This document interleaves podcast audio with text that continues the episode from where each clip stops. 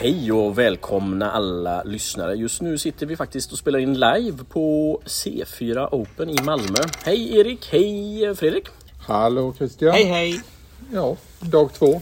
Dag två, söndag förmiddag. Vi har sett vem som har fått lite priser och eh, förutom det så har vi naturligtvis träffat oerhört mycket spännande roliga människor, bra handlare, fantastiska byggmodeller och en, i- bättre än någonsin. C4 levererar.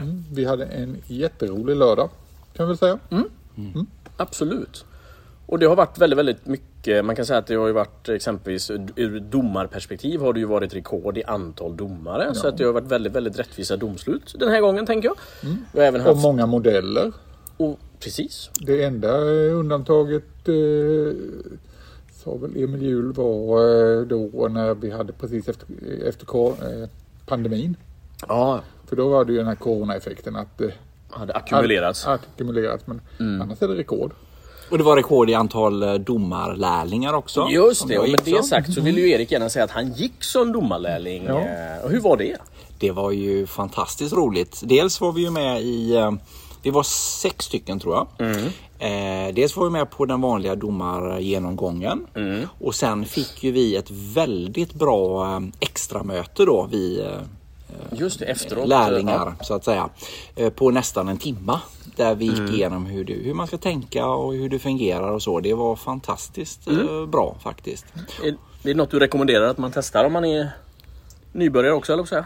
Det tycker jag. Eh, sen är det klart att man får, man får kanske som byggare ha kommit upp till en viss nivå för att gå med så att man ändå har för att kunna, om du ska vara med och döma bygg, hur väl något är utfört, målat eller byggtekniskt gjort och så vidare. Så får man ju kanske gärna ha lite koll på hur man, man måste ju kunna avgöra vad som är bra och dåligt. Och, så lite krävs det av en själv att man har kommit till en viss nivå för Ja, att det. tycker jag. Känner du att det kommer hjälpa, om man nu har ambitionsnivån att, att utvecklas och få kanske priser på sina tävlingar. Känner du att det här har hjälpt dig att... Absolut. Mm. Nu, eh, nej men nu har man sett lite bakom kulisserna så att säga, hur det här protokollet fungerar och, och, och hur, hur, man, hur, man, hur byggena blir bedömda. Mm. Och det, nej absolut, jätte, det var väldigt bra lärorikt. Ja. Eh, det kommer hjälpa mig. Väldigt, väldigt spännande. Hur, eh, hur har du haft idag eh, Fredrik? Du har ju också varit domare och du har ställt ut och du har ju fått hela paketet. Ja, inklusive att jag föreläst här faktiskt för första Du gången. till och med föreläst om din fantastiska kunskap om skalor. Ja, eh, vad ska jag säga?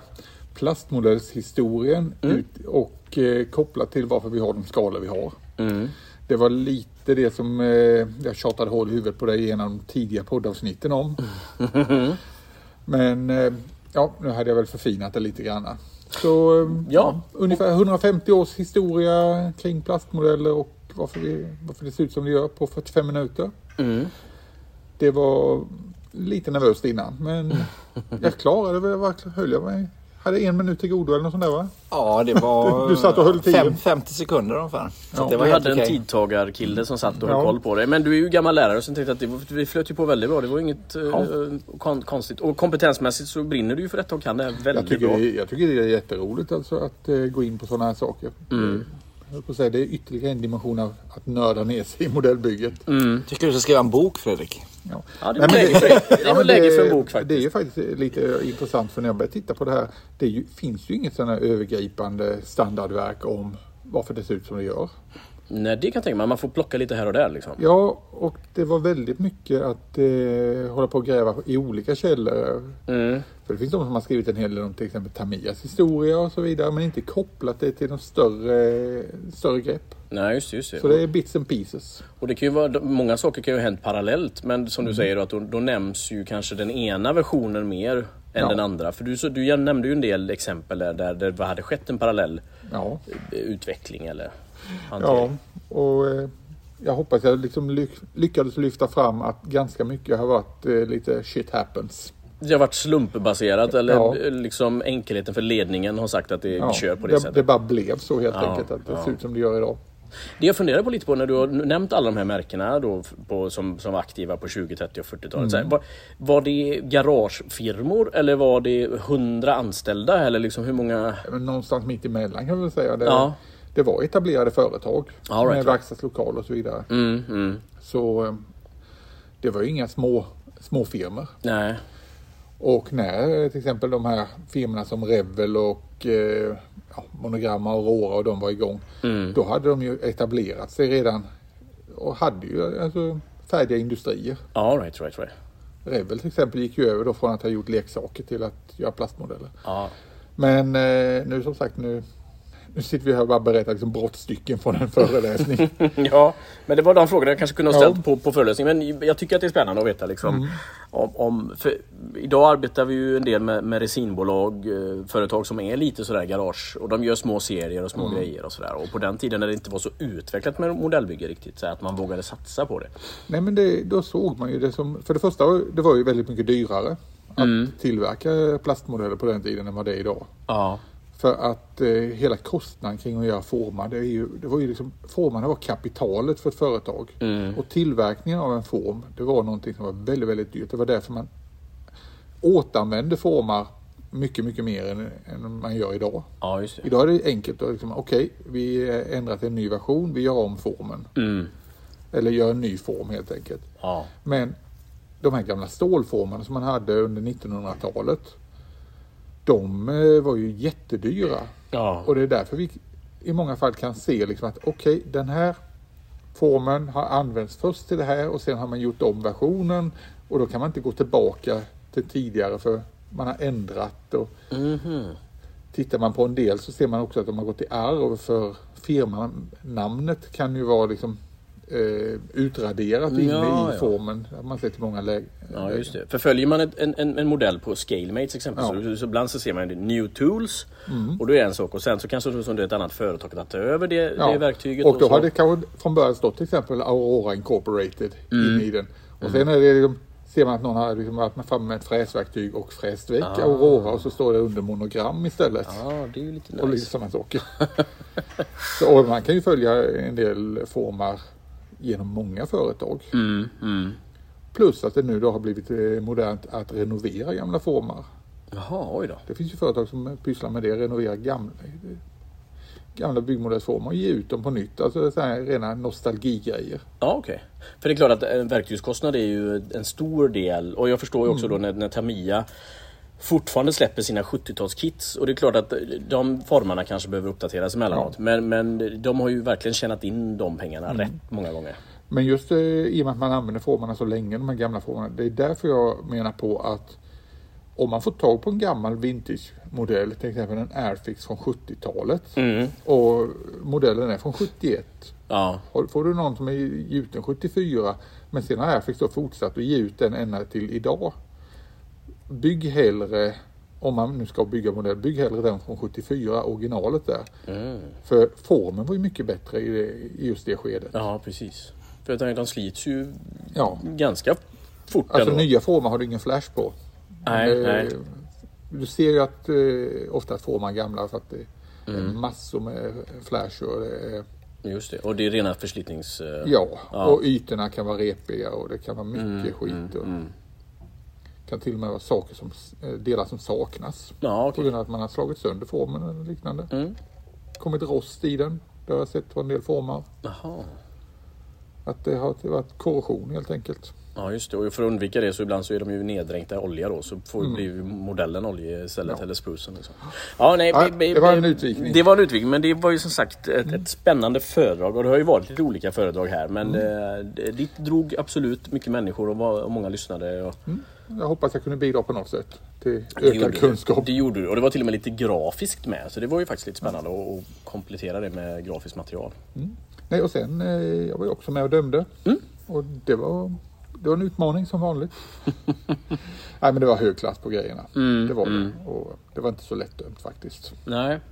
Nej, jag håller med dig och som sagt du, tog ju, du var ju med som domarlärling men du var ju ändå ganska aktiv i, för du har ju som sagt byggt många år, du är väldigt, väldigt duktig Erik och du har ju eh, lätt att ta till ton så att säga, alltså att ha, komma med åsikter och det är ju himla himla himla bra för det handlar om att diskutera det är klart, det är ju en subjektiv bedömningsdomartävling Mm. detta och, och då komma med argument för varför man tycker och tänker så här. Så det är ju väldigt, väldigt viktigt. Och framförallt också att du ska kunna ta argument, argument ifall det kommer någon och frågar hur dömde du den så här och varför? Mm. Jo men precis, det var därför det, man kände verkligen att man tar det här jobbet på allvar. Alltså riktigt, går du in, man får gå in för det. Jag har hela tiden tankesättet att om det kommer fram en byggare i, idag söndag och undrar varför hans bygge ble, eller hennes blev bedömt på det här sättet så ska man kunna stå rakryggad och stå för Ja. det domslutet. Men det, bland de knepiga grejerna så att, eh, när man börjar döma tycker jag är det här med att man måste plocka väck sina egna preferenser. Ja, just det. Precis, Det precis. är en hel del kill your darlings. Mm, Bara för att jag tycker om en viss pansarvagn Mm. och tycker att den är estetiskt väldigt tilltalande så är det inte den som ska vinna för det. Nej, nej Utan exakt. det är verkligen liksom, det måste bort och precis alla bias man har mot andra grejer. Så att, Mm. Att man, nej jag tycker inte om den här typen av modeller. Nej. Nej, det är Då måste absolut man bara titta bort från det. Ja, och det blir ju väldigt tydligt kan jag tycka då. För nu dömde ju du diorama och det gjorde jag med och då blir det ju det blir sån bredd. För det är klart, dömer du flygplan, allierade flygplan, då finns ju ett antal olika och då är det inte så mycket man kan göra åt det. Men här var ju en väldigt... Och, och i och med att det inte finns någon vignettklass eh, på C4 så, så hamnar kanske en del modeller som normalt skulle stå med vignettklass här. Så det var väldigt stora ytterligheter, bland annat en, en, en, en figur som kissar i skala, vilken var det? 1 till 700 såklart. 1 till 700. Att, att se en figur som kissar i skala 1 till 700 eh, är ju en ytterlighet från ett, ett bygge 1 till 35. Så kan man säga.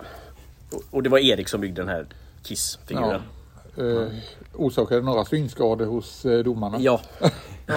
nej, men, nej, men det, är en sak som jag lärde mig till exempel nu, eller förstod. Det var ju det att det är egentligen ingen idé att ställa ut en figur i 1 till 700 eller göra ett litet minidiorama i 1 till 700. Därför att domarna när de ska bedöma det här, de får ju inte använda några hjälpmedel mer än sina egna medhavda glasögon. Man får ju inte fota och sen titta på bilden eller man får inte använda förstoringsglas. Eller och det gör, eller ficklampor och så. Eh, Och det gör ju att eh, ett bygge som eh, mitt det här eh, pisspaus-vinjetten så att säga, 1 till 700. Det går ju inte, även om jag, tittar du med förstoringsglas på det så är, jag menar, hudfärgen är där den ska, Ja, den är ja, korrekt ja. gjord och liksom Ja, allting så här. Det finns egentligen inget att klanka ner på den. Men det är Nej. ingen som kan se att den är bra eller dåligt gjord. Så den blir ju, det går inte att bedöma liksom. Nej, det gör, inte det. det gör inte det. Men innan vi släpper det, ditt lilla pytte pytte diorama så tycker vi ändå, alltså du, du får nämna någonting om tillblivelsen av det för det. det är liksom bara, Erik får ett ryck. Ja, ja. Jo, men vi skulle ju åka ner till eh, Malmö då. Jag bor ju i Göteborg och vi skulle ner med hela familjen för familjen skulle på släktträff medan jag är på C4. Och då blev det en halvtimme över när resten av familjen skulle göra sig i ordning. Jag var klar, jag hade packat allting.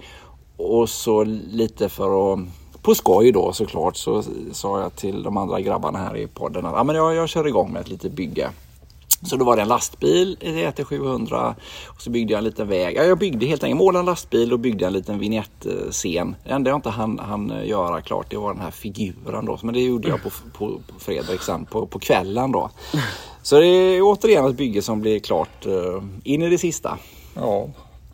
På en total byggtid på kanske en och en halv timme. Ja, ja, ja. ja så att, uh, nej, men det var roligt. Jag gillar att utmana mig själv uh, med sånt. I elfte timmen byggdes det, helt klart. Men eh, hur gick det för er då killar? Ni hade ju med en massa grejer och ställde ut och tävlade. Jag gjorde inte det. Ja, vi får gratulera dig Erik. Ja, nej men det jag, eh, jag har ju eh, fick ju eh, belöning för min eh, armfälts karoliner. Fick ju guld i temaklassen. Det var ju fantastiskt eh, roligt. Verkligen, mycket välförtjänt. Ehm, roligast var ju då att eh, jag lyckades slå Fredrik i samma klass. Han fick ju bara silver. Så att jag är mäst, mästaren i ha, ha men det var väl- det var i en välförtjänt. match. Det var väl. Det var väl... Ja. Det var, det var Det, ett, det, var, det är ett unikt eh, diorama som du har skapat där. Mm, alltså, mm, med en scratchbyggd kanon och, och figurer som... Ja, ja. Nej, men det var kul. Det var jätteroligt. Det, det var mm, härligt att få den uh, goa kvittot på ett... Uh, jag engagerar mig väldigt mycket i det bygget och det var ju faktiskt uh, byggt helt för C4. Det var ju idén Ja, kom ja, ja. ju. Jag hade ju det här baktankarna men så fick jag reda på att temaklassen var snö och is och då tänkte jag ja, då kör vi på det liksom. Nej men det är som eh, jag, pratade ju med en av de som dömde det och eh, han sa att det är ju en sån ikonisk bild. Det här alla måste förhålla sig till den här bilden från Åbergs bok Karolinerna som du har hämtat inspirationen ifrån. Så det, den, liksom, den finns hos oss allihopa. Ja. Och att återskapa det, det är ju världens utmaning då. Mm. Ja men verkligen. Ja men på både och. Det blir ju en utmaning men samtidigt så har jag ju fått en hjälp av det också. Mm. För folk har den här bilden och då gillar man, wow någon har gjort det. Och det är klart att det ger ju ett eh, lite försprång då kanske. Jo, samtidigt du så gjort- sätts ju ribban väldigt högt Ja. för då har ju folk förväntningar att det faktiskt ska vara likt eller man ska få Hade det, känslan. hade, du fått det fe- hade det blivit fel där, Ja, ja, så då hade hade det ju- sänkt, det- då hade det torpederats Då hade ju folk bara Ja, för det blir ju mindre förlåtande. För det är Ja, klart ja. att annars, du kan ju egentligen bygga till vilka referenser som helst. Det kan vara Star Wars-byggen eller det kan vara det ena. Men då har ju folk en koppling till en relation Ja, och då ja. blir det mindre förlåtande. Då faller det hårdare om man misslyckas. Det, det gör så det faktiskt. Det gör det är faktiskt. Och likadant när man har figurer och byster som faktiskt ska likna en känd skådespelare är ju inte osällan. Och då får man ju Mm. verkligen vara på tå.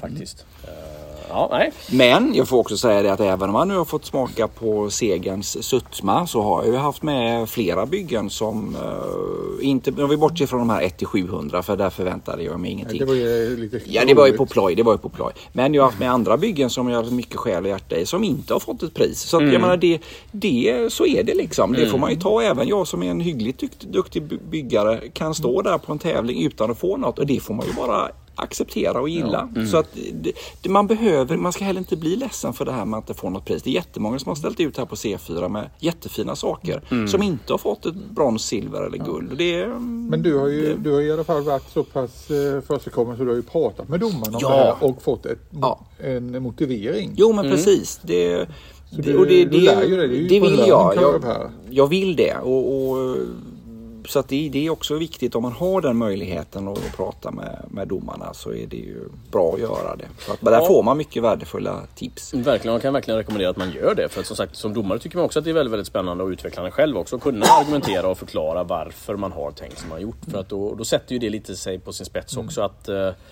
inte, eh, inte, Man kan ju inte ändra domslut, men att man verkligen kan argumentera för att det här fick det här betyget. Liksom. Så, mm. Nej, nej, och sen, men sen har jag också lärt mig här nu att det här, så det här det är svårt att döma. Det är mycket, det är människor som dömer och det handlar om deras man har en viss inställning och åsikt och hur man dömer och i det domarteamet jag var i nu, vi var ju totalt tre stycken då. Där hade vi en ganska, vi gick all in eh, med det här dömandet. Alltså vi, vi var ganska tuffa som Ja. domare. Eh, och det, ja, det, det, det blir ju personliga åsikter också givetvis. Men det som jag, det som var, jag blev lite det jag kände var lite sorgligt på ett sätt när vi, jag dömde ju jag var ju med och dömde då um, diorama utökad bedömning och du dömde ju då diorama allmän bedömning. Och skillnaden mellan dessa två klasser det är ju att i utökad bedömning så är det här med idé och komposition en helt avgörande eh, faktor så att säga. Den får ju, bedöms ju också.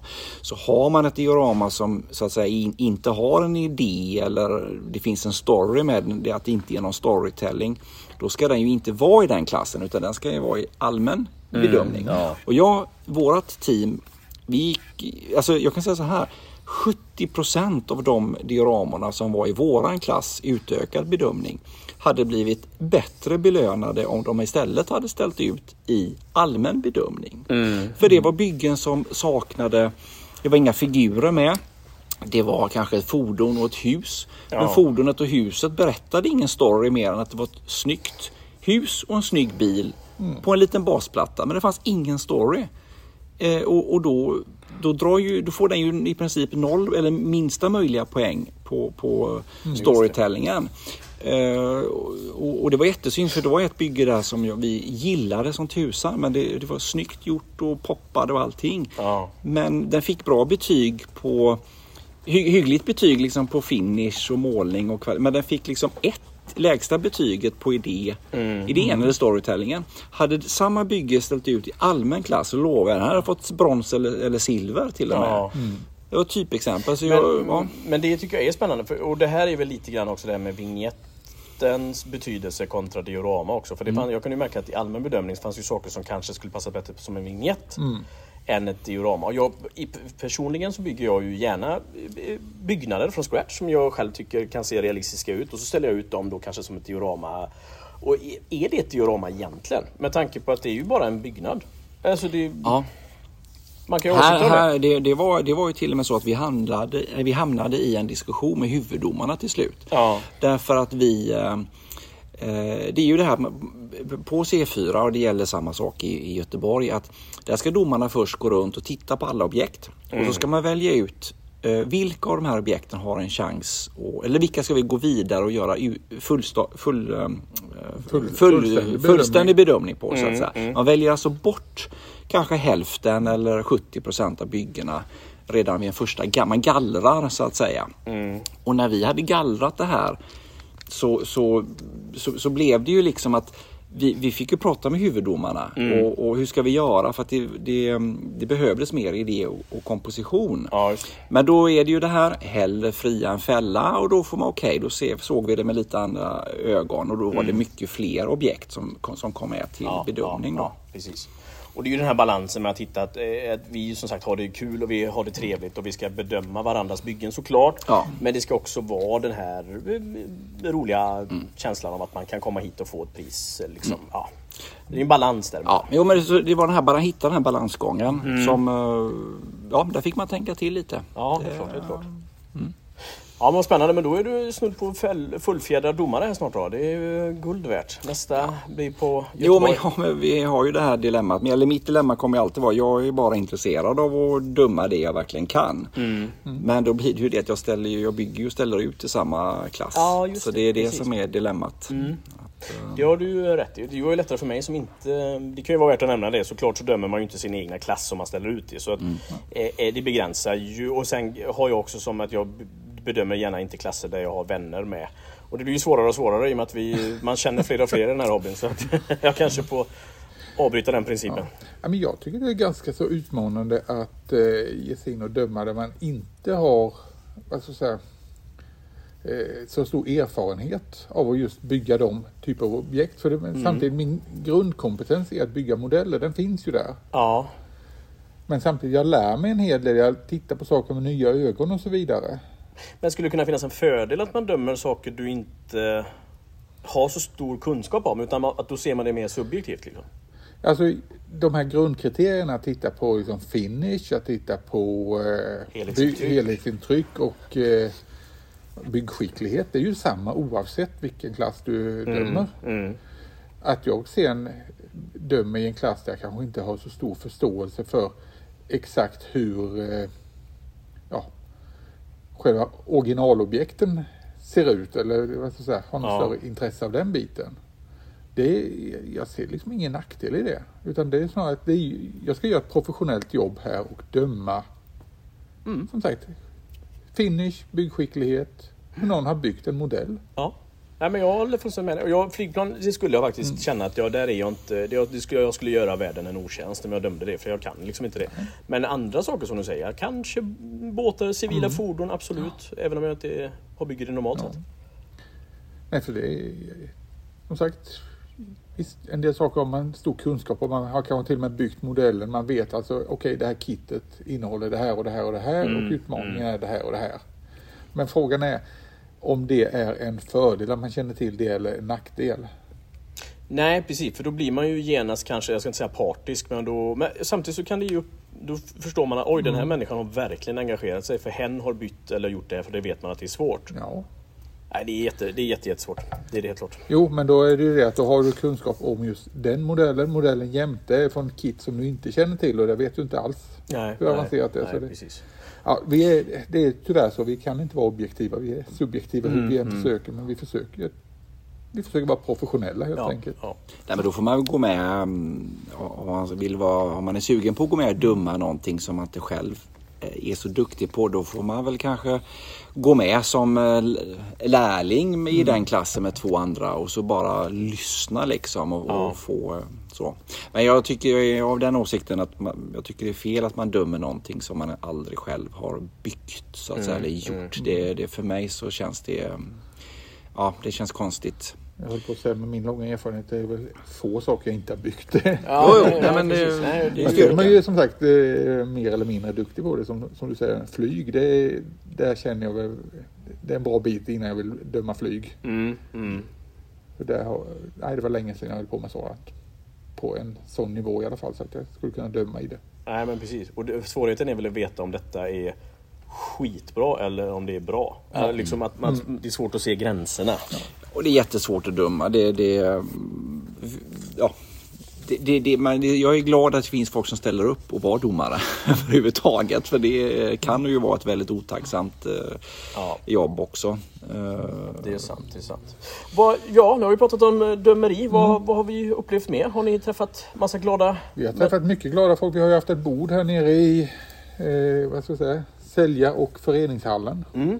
Så där har vi ju det har kommit, kommit och gått människor och jag har pratat med en hel del folk. Ja.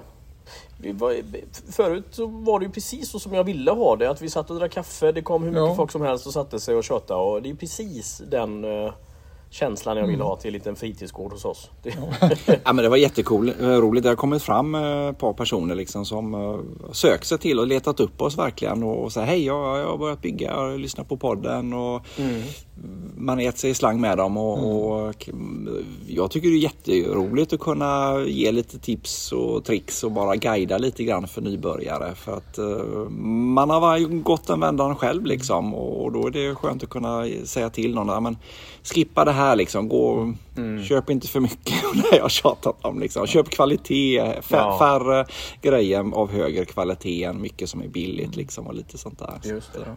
Jag kan ju säga det, det kan ju låta lite pretentiöst men jag blir vad ska säga, varm i hjärtat när jag hör att vi har en betydelse för folk som sitter och bygger. Att vi betyder någonting för dem i byggrummet. Både som inspiration och som sällskap. Så tack alla ni som lyssnar. Ja, det, verkligen. Det är väldigt eh, tacksamt att höra. Ja. Det, det är ju känslan, det är ju, vår målsättning är ju naturligtvis att vi vill ha mer människor som bygger mer så att våran hobby kan fortsätta att finnas. Och kan vi då också vara en, en närhet och en sällskap, byggsällskap så är det ju fantastiskt trevligt. Det är ju verkligen det vi vill. Så nej, jag håller med. Det har varit eh, kul att folk kommer fram och vi har fått, haft en liten förslagslåda och eh, Ja. vi har fått lite tappra förslag där. Så att det, ni får räkna med att det kommer fler avsnitt där vi pratar om Mm. Eh, Jag tänkte på en annan sak. eh, Om vi går tillbaka till utställningshallen. Mm. Vad har ni sett för trender? Vad, är, vad, är, vad har varit populärt att hålla på med? Det var ju en eh, väldigt stor pansarklass. Mm. Det är alltid stor flygklass, det är det absolut. Men jag tyckte att pansarklassen stack iväg den här gången ganska mycket. Och figurer har ju generellt sett varit mindre och mindre och mindre. Det var också mycket figurer, Mm. tyckte jag. 3D-print ökar. Ja, Såg väl en del 3D-print när det gällde diorama framförallt. Mm, mm.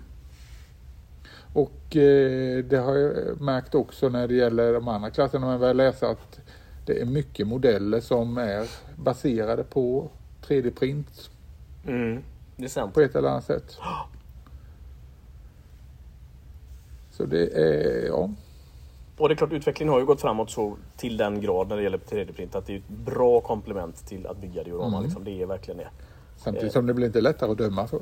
Nej, absolut inte. Det ska ändå målas och vädras och, Ja. och appliceras i någon kontext. Liksom. Så att det, nej, du har helt rätt. Men det blir den här frågan, byggskicklighet är ju ett kriterie. Och det, det blir ju med en färdigprintad eh, figur eller drake eller byggnad och så. Det, det är ju inte så...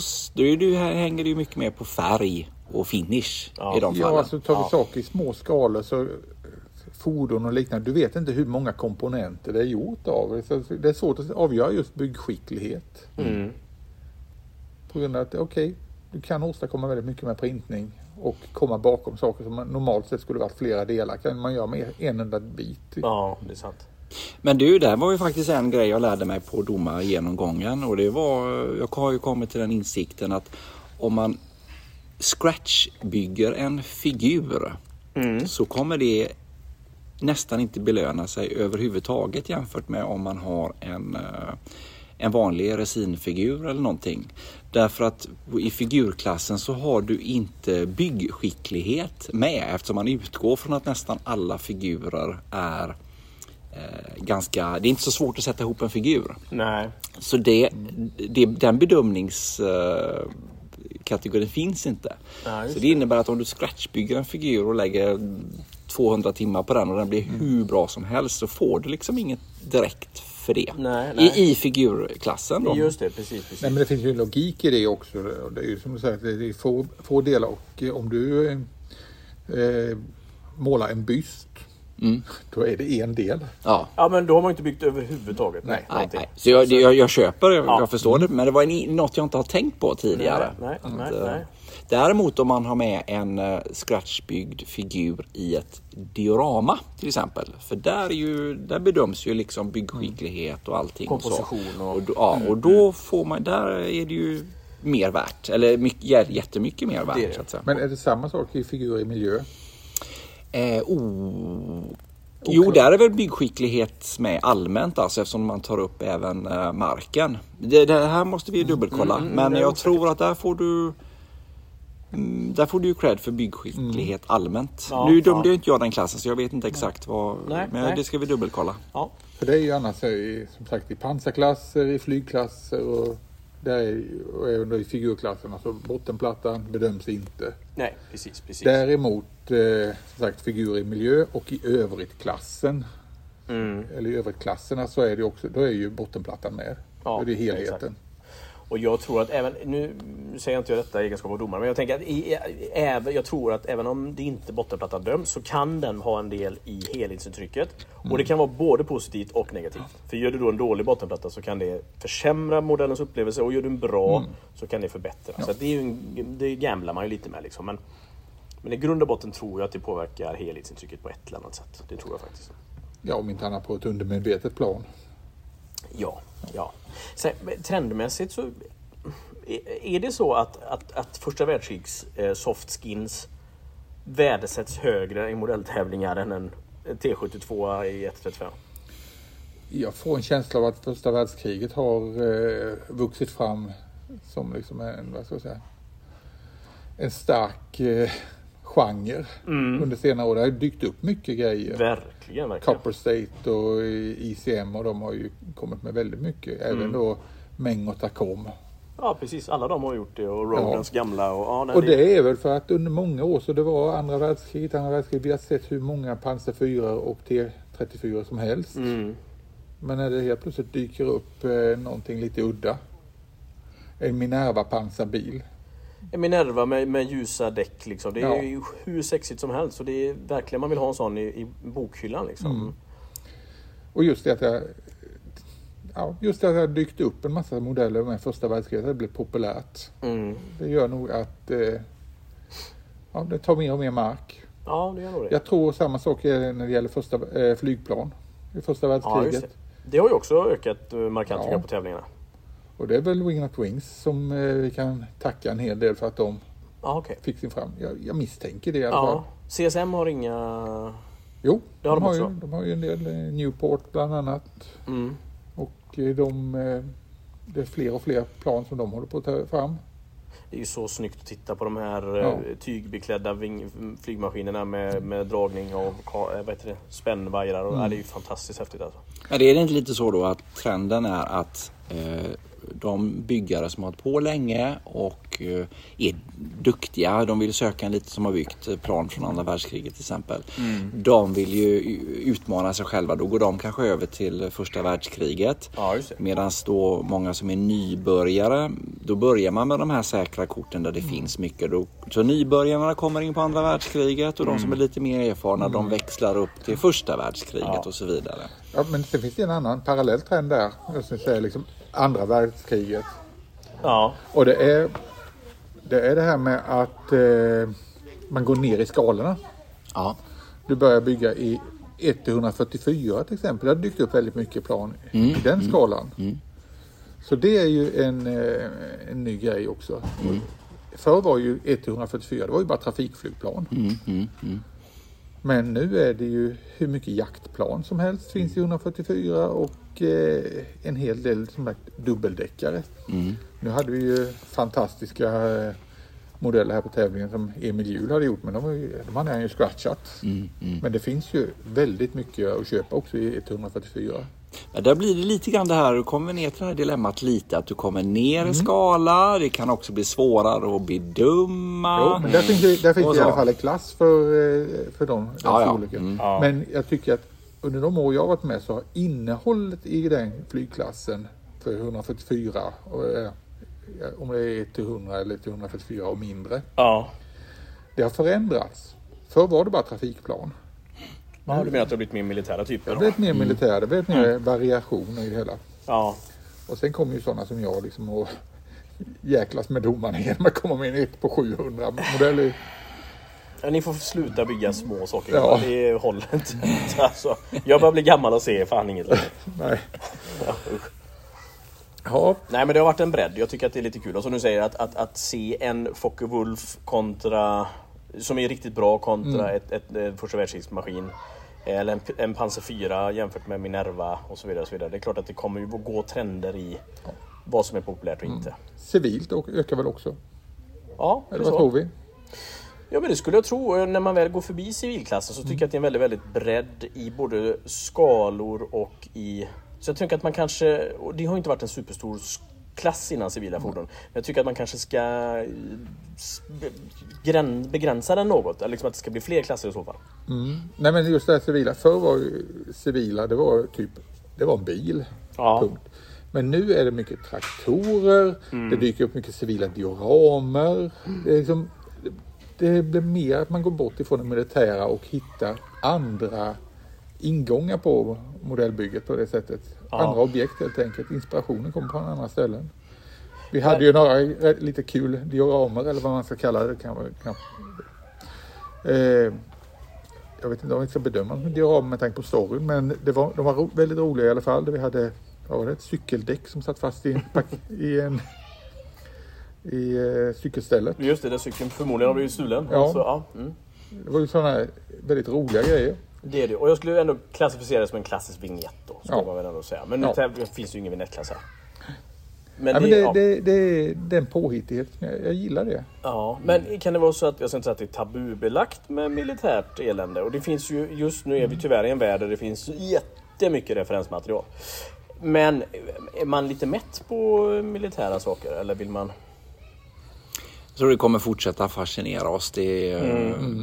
det, jag, nu drar, jag- jag försöker ju dra mig lite mer åt det civila hållet eller mer historiska hållet. Mm. Ehm, Men jag har ju fortfarande en jättestash med andra världskrigsfigurer och fordon och så. så att det, ehm, men jag, jag, jag, bygg, jag dras åt det civila hållet, ja. Ja. Ehm, Eh, Och det är lite grann eh, har att göra med att jag menar som hemma, mina barn de tycker det är kul att jag har en hobby och så här men de ifrågasätter pappa måste du göra så mycket krig och elände? Det, det tycker de inte om så att Mm. Nej. säga. Och det, ja, och det är det som drar mig också från att eh, gå ut mer med, med det här med att jag bygger modeller generellt. Det är väldigt få av mina vänner som vet om att jag gör det. Ja. Och det gör jag. Den jag skulle aldrig lägga ut en bild på min egna Facebook. Eh, Nu har jag min D-work då, det är ju där jag lägger ut allt det. Men min egna Facebook, där lägger jag inte ut någon modell. Och, och jag skulle aldrig lägga ut någon andra världskrigs stridsscen Nej. själv. Utan nej, den dagen jag har byggt ett snyggt civilt diorama det kan jag tänka mig att lägga ut och bli offentlig med mitt modellbygge. Men jag skulle, aldrig, jag skulle inte göra det med en krigsgrej faktiskt. Då kommer du ut ur modellgarderoben helt enkelt. Ja, vänner. ja. Och, och när vi går här nere och ser någonting som är militärt relaterat då tänker ju inte vi på det. Vi är ju ändå inne i det på något Ja, sätt. ja. Även om man kanske uppskattar att bygga mer civilt nu för tiden. Men det, Vi är avtrubbade helt ja men enkelt. vi kanske är det. Vi, vi, det bekommer oss faktiskt inte. Nej. Men jag Nej kan- men och då har jag ju ändå gjort ett diorama med en väldigt blodig scen med en tysk soldat som har förblött och förlorat Mm. ena benet och man ser jättemycket blod och allting. Så det är ju det är inte det att jag, för jag vill ju, jag dras ju åt det här och, och, och ge, visa krigets realism på Mm. Ja. ändå ett, eh, ja jag ska inte säga smakfullt sätt då såklart men, men, men ändå, alltså jag vågar också ta ut svängarna så att säga Mm. för att visa det här på ett, eh, ja, verkligt sätt. Så att Nej, men det, det är ju det att det, man vill ju att det ska beröra, men det ska beröra på rätt sätt. Exakt, exakt. Ja, att, det är sant. Det är ju jättesvårt att göra men jag har ändå gett mig på att försökt göra det så att säga. Ja, och det är klart, ibland kan man ju vilja ha ett litet skratt ur Ja. sitt diorama. Ja. Och du kanske inte vill att de ska gråta över att han har förblött det. Liksom. Nej, Men nej. man vill ändå att förstå Allvarlig att, scen, att liksom. kriget är, verkar farligt. Jag tror vi ska fördjupa oss i, i det här i ett annat avsnitt här framöver. Ja, det- Bara eh, gå, gå ner på de etiska aspekterna. Ja, det ska vi nog absolut göra. ja. Vad Har ni shoppat någonting? Eh, ja, lite grann faktiskt. Det råkade bli modell i, Ja. nu på morgonen. En Eh, stor och lång modell hamnade en- du ja. ja. Det blev en sån här, ja, jag höll på att säga nästan what if, men den byggdes ju faktiskt i ett exemplar. Det var en sån här minen, eh, någon tysk, eh, Mina ja. ja, Raumer. Som en modell som Tacom. Mm. Och eh, anledningen till att jag köpte den var ju helt enkelt för att jag har letat efter den ett tag. Just det. Sen kommer det förmodligen bli postapokalyptiskt av alltihopa när jag är färdig med den. Den har ju stora möjligheter att göra till vad som helst i princip. Om Ja, man har den ser väldigt fantasi. sci-fi ut. Ja, det gör den. Det gör den. Ja, men det är lite roligt för jag har ju precis samma modell fast i 172. Ja, Så att vi får se om vi gör något eh, gruppbygge där. Något. Precis. Hade inte du någon bild-off på gång med Patrik också eller? Eh, jo, det är jag och Patrik Olsson. Vi Ja. ska väl eh, ge oss på det här framöver. Vi började prata Gundam Ja, under gårdagen och så eh, var det ja. innan vi visste ordet av så hade vi vi hetsat varandra till att nu ska vi bygga varsin Saku 2 ja. Så det, Var köper man sådana då? Finns det här att köpa eller? eh, nej, Nej, jag hittade nej, inga här men nej. vi har ju plamo.se. Ja. Där finns de. ja, ja. Spännande. Så nu kommer det vara robotar. Är det fria tyglar som gäller eller hur? Det blir fria tyglar. Ja, Samma, eh, samma grundbyggsats och sen får vi se vad vi gör av det. väldigt roligt. Ja men sånt är ju faktiskt lite kul att ha ett gruppbygge eller en bild-off liksom att där man följer och, Mm. och framförallt kan dela varandras erfarenheter. Ja, och det är ju det, det att en, eh, en sån här Bandai Saku 2 Mm. den är inte så, det är ingen jätte, vad ska jag säga, ansträngning att ge sig på en sådan. Nej just det. Det är Utan lite det- klick och grejer och så. Det är inte så mycket lim och grejer. Va? Nej, det är lite lagom på det Mm. sättet. Man, man känner ingen stress över att ge sig på det. Så det Nej. ja, visst, det här känns kul. Det känns kul. Mm. Och du då Christian, hur hur har det gått för dig? Eh, Jag har varit väldigt eh, sparsam. Och eh, det kanske inte har vunnit så himla mycket objekt här heller som... Jag tror att jag är i ett- ett stadie just nu där, där jag försöker förminska min stash bland annat. Så att det känns ju ehm, att gå åt fel håll om jag skulle gå och köpa massa Nu fick jag ju ett jättefint kit här av min goda vän Erik här. Och det, så då slapp jag köpa ett kit. Men, men lite figurer, resinfigurer, eh, en cykel och så vidare. Och så vidare. Ja. Ja, på tal om, du 3D-skannade ju det här nu Erik. Ja, det gjorde jag. Nej, men jag, jag, eh, jag, om vi tar det här med inköp då, så jag gick ju all in och köpte väldigt mycket på AIM där, där, där eh, CMK hade mycket fina grejer. Eller firman var ju inte CMK men de, ja, de som det. sålde eh, Ja, ja. hade mycket CMK. Du brände budgeten både Ja, för ja Göteborg men det och var, samma gång. det var lite så. Jag, jag köpte jättemycket där. Mm. Eh, det jag köpte här är, jag har köpt lite 3D-printade figurer från Spera. Eh, eh, och så köpte jag någon, eh, jo just det de här patronfångarna, hylsfångarna till AK4 från Mm. Just. SSR då. Ja. Men sen lät jag också 3D-scanna mig. Eh, Och det var kul. Då fick man stå blickstilla i tre minuter. eh, och det, det ska bli jättekul för då kan jag se om man kan eh, använda mig själv i något diorama Ja. framöver. Det hade varit Hur var det att stå stilla i tre minuter och inte Nej men det är fena? bra. Jag fick lite... eh, Det var lite stelt i ena benet bara. annars, annars var det helt okej. Ja, sen tar du och skickar över filen till oss så får, vi se vad vi hittar på Vi tycker att det är Ja, ja. väldigt kul att få kadda loss på den faktiskt. Ja, just det gör det. vi gärna. Ja. kan få Ja, ett men litet det var- sexpack om du vill det. Det går att ordna. Nej men det, det var kul. Jag menar det är, det är inga farliga pengar och det är roligt. Det är ju något man har sen, den här Ja, filen för evigt. For life. att, Ja, eh, nej, absolut. absolut. Plus att du kommer få några prints av dem också va? De skriver ut. eh, Ja, ja, man får, ja, ja. precis. Man får ju några färdigutskrivna figurer Ja, eh, också. Så ja att, eh, spännande. Men undrar om de får med modellbygga-t-shirten eller om den... Ja, den syntes ju lite så jag hade ju luvtröja Ja. på mig men den stack ju fram där. Men ja, det kanske, det, är ju lite utstickande. Lite oroväckande. Ja, Ja, ja. Det är bara jag kvar då som inte har gjort det än. Ja. Ja, Precis. Och jag är så liten så att det skulle gå fort. halva priset Halva får du. priset, Ja, ja. ja. ja, vad spännande då. Vad har vi kvar nu då? Nu är det lite prisutdelning och Ja. eh, gå runt och hitta ett pris som vi vill dela ut också. Eller ett objekt Mm. som vi ska dela ut pris till. ja. Ja, jag har fortfarande inte tittat igenom alla klasser ordentligt Nej, så att nej, jag nej.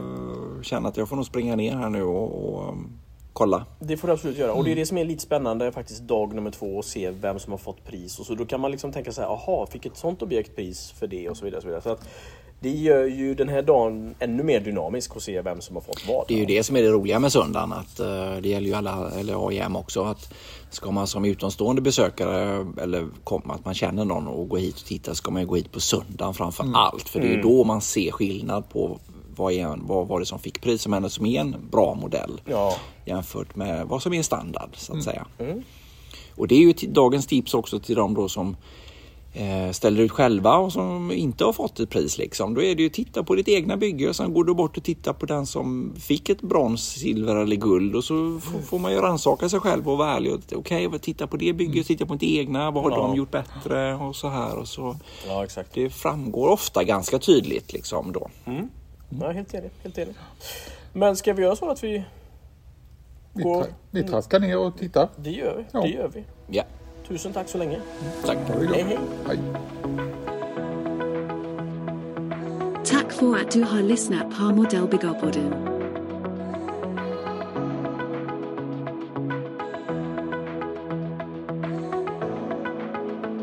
Mod, mod, mod, mod, Modellbyggarpodden. Mod, mod, mod, mod,